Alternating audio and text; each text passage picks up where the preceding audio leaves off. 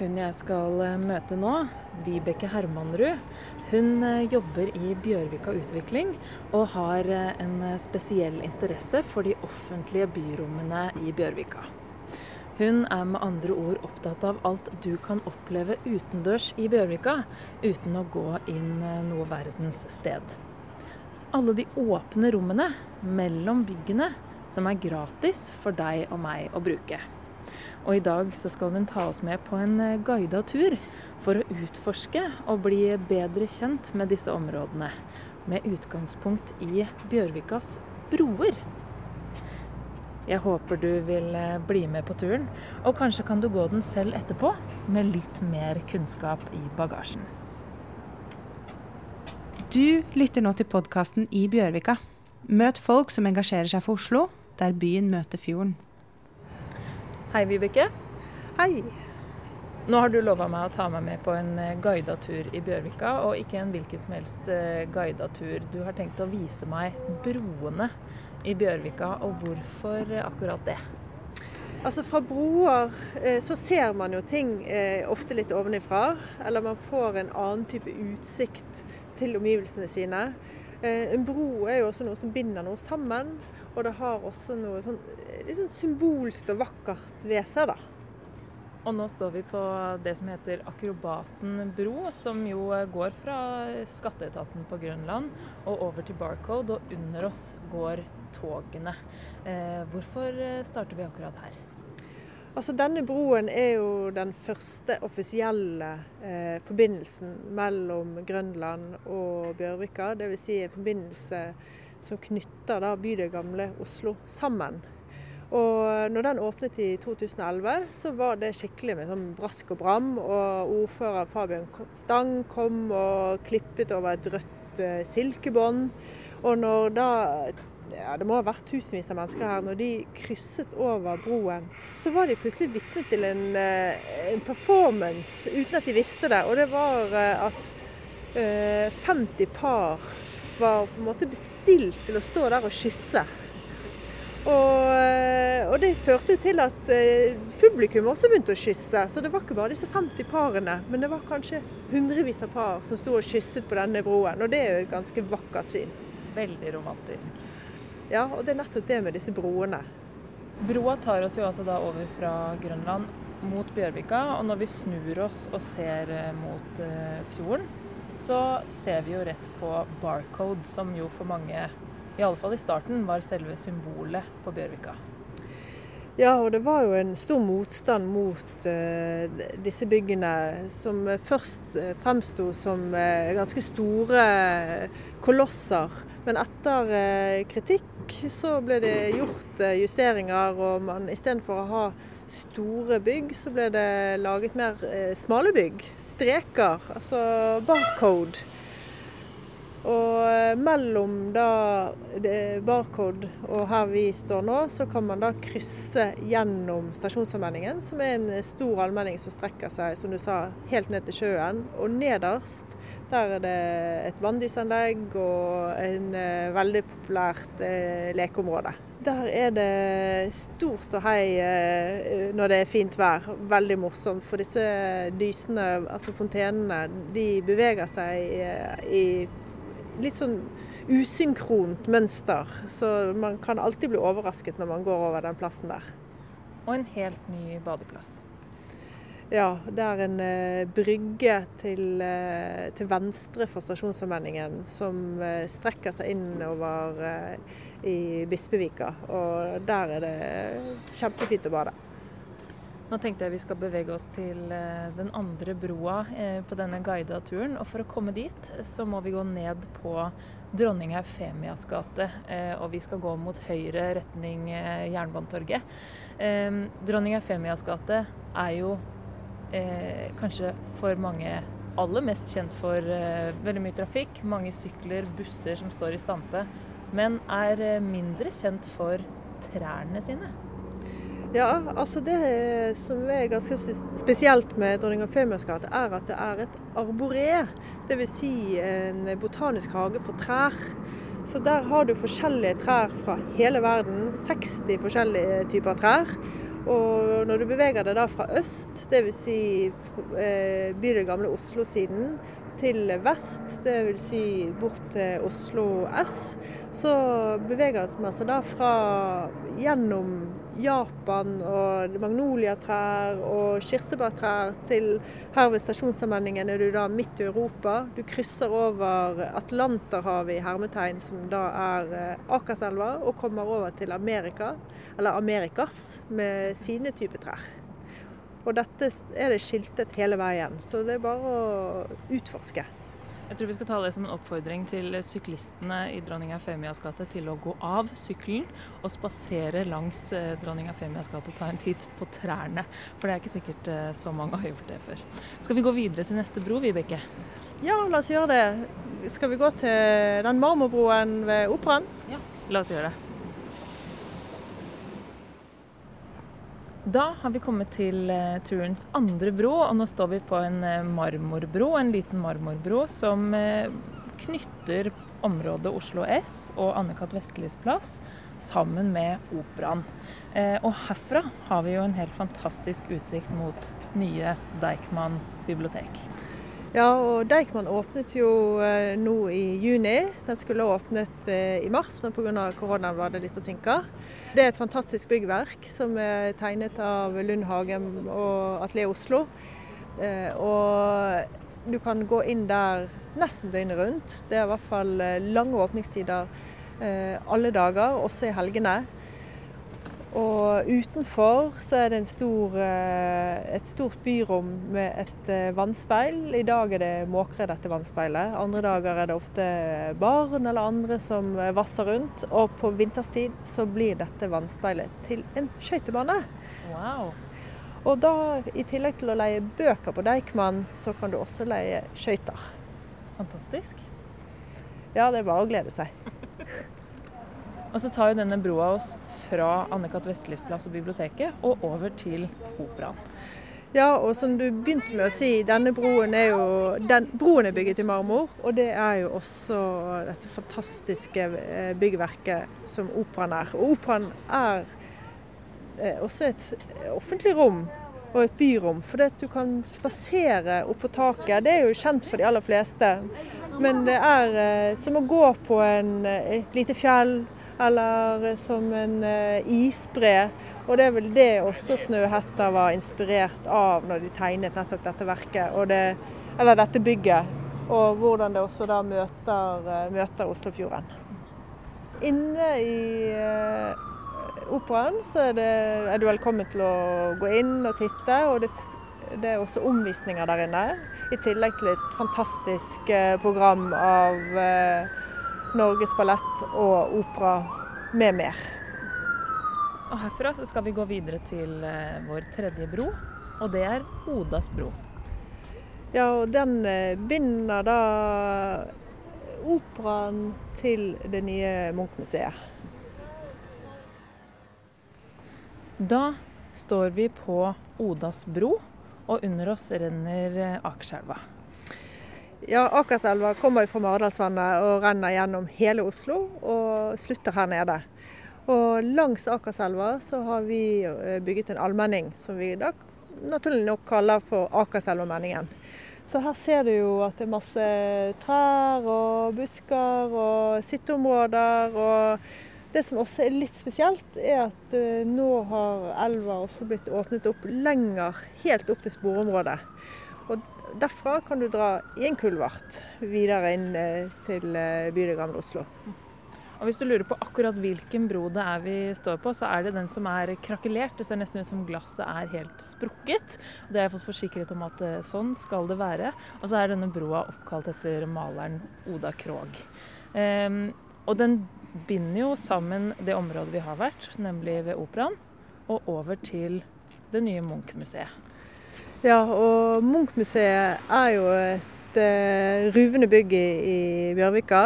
Som går over 13 etasjer med store saler som nå vil kunne huse alle verkene til, til, Edvard Munch.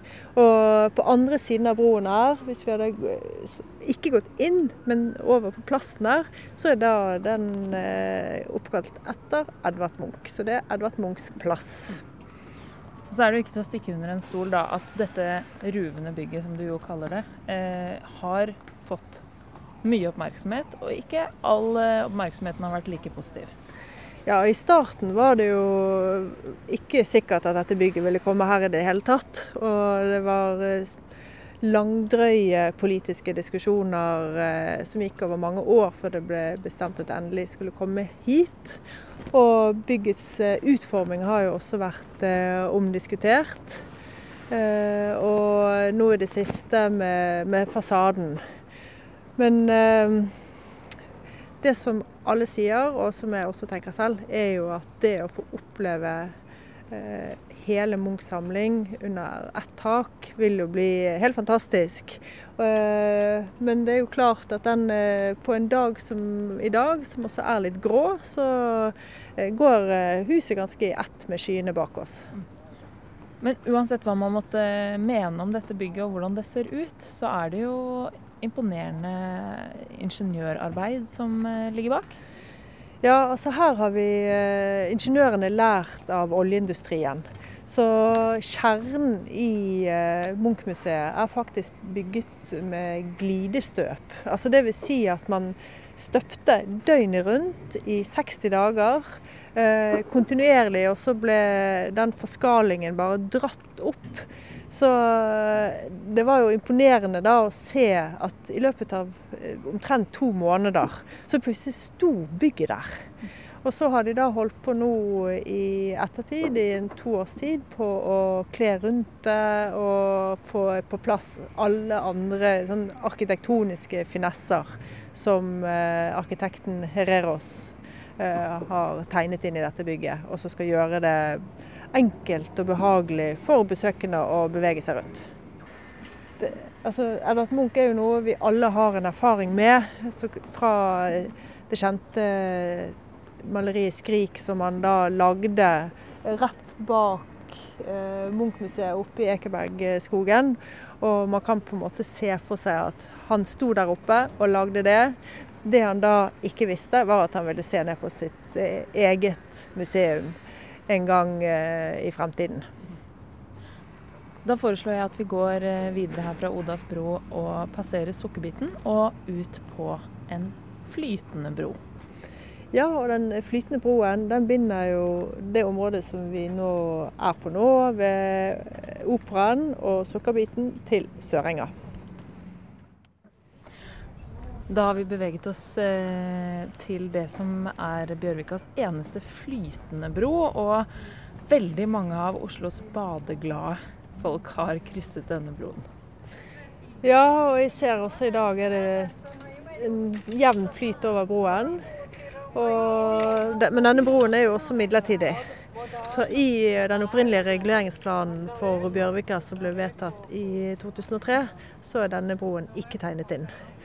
Så jeg får mange spørsmål om vil denne broen være her også i fremtiden. Og jeg kan ikke svare eh, ja til det.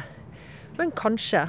Men det eh, som jeg vet, er at eh, hvis denne broen ikke er her, så kan man da eh, gå i eh, Bispevika istedenfor, eller langs Bispevika, som vi da ser inn mot når vi ser inn mot Barcode. Og det, vi har regnet litt på det, og det er vel 150 meter ekstra å gå. Så det er jo ikke så mye, mye lengre. Hvorfor vil man eh, fjerne broa? Altså, Flytebroen bidrar jo til at det blir litt mindre sirkulasjon på innsiden. Og dessuten så kan ikke store båter komme inn. Eh, nå er det en liten luke på hver side, hvor det en liten kajakk kan komme, og kanskje en liten båt. Men ikke seilbåter eller større båter. Så det er en sånn blanding av det å påse at man skal få god sirkulasjon i vannet, og også sirkulasjon av eh, båter.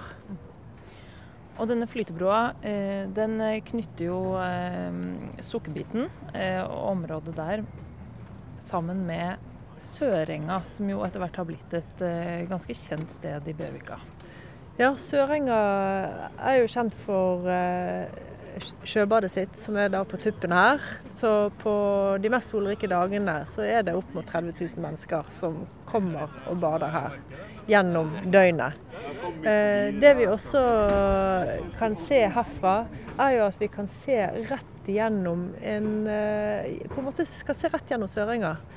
Og det er faktisk en kanal, så det vil jo si at Sørenga ikke er en eng, men det er en øy. Eh, som er da bundet sammen med denne broen som vi nå står på, og noen andre jernbroer. Og så er det også hjem for veldig mange osloboere. Det er nesten 800 leiligheter der ute? Ja, det er vel eh, i hvert fall det. Og det er også to eh, barnehager. Og her bor man i opptil en eh, ja, det er vel en åtte etasjer. Og det som kjennetegner også dette området, er eh, mursteinen. Så alle byggene har den samme mursteinen, men det er forskjellige arkitekter. Så når du begynner å se nærmere på det, så vil du se at det er fantastisk eh, mangfold i løsninger. Og det som er også annerledes her enn f.eks. i indre Oslo, er at byrommene, altså gårdsrommene, er åpne. Så gårdsrommene er faktisk også et byrom.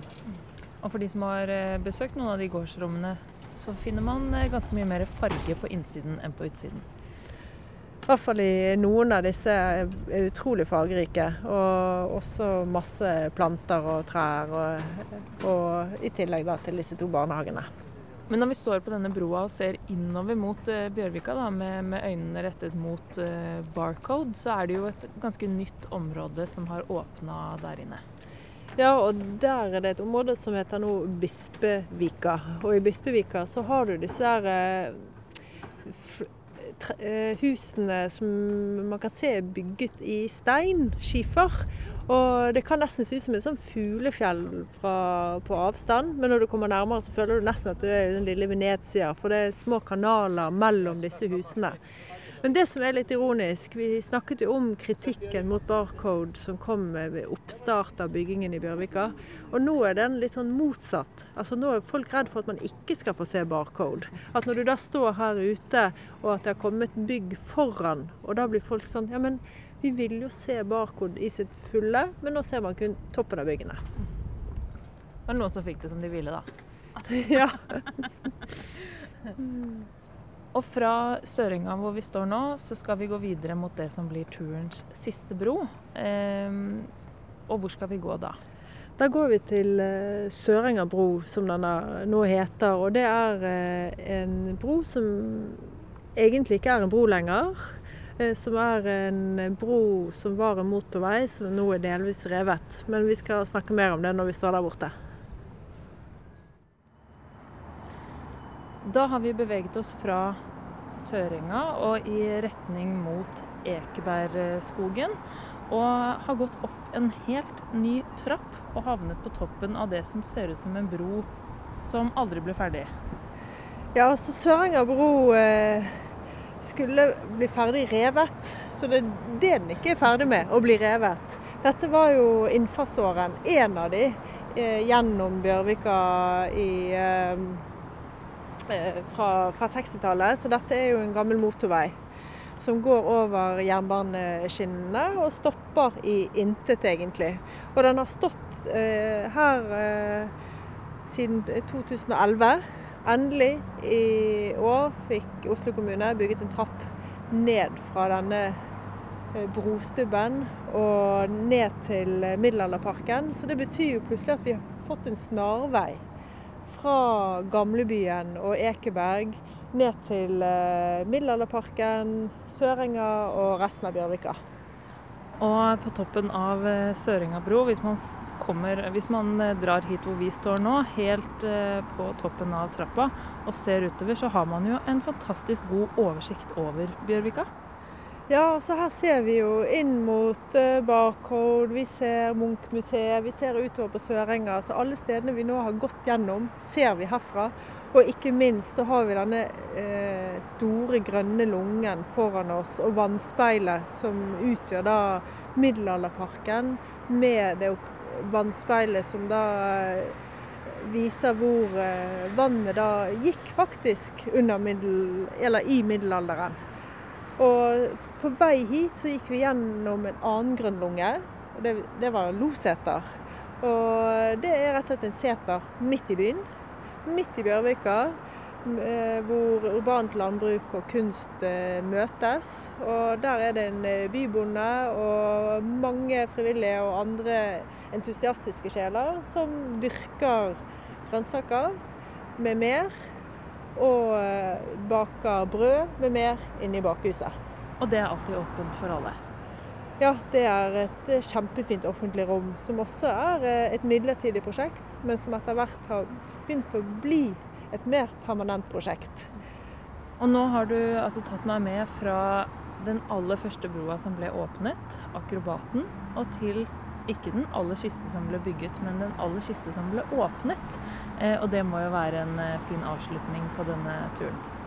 Ja, så her kan jo du velge å gå gjennom eh, Middelalderparken tilbake til byen. Eller du kan stikke ut på Sørenga og ta deg en dukkert. Eller du kan gå resten av denne Sørenga bro inn og bortover mot eh, bydel Gamle Oslo. Tusen takk for turen, Vibeke. I like måte. I Bjørvika er en podkast av kulturinstitusjonene, utbyggerne og næringslivet i Bjørvika. Produsert av Bjørvikaforeningen og Bjørvika Utvikling. Programleder er Kjersti Kanstrøm Lie.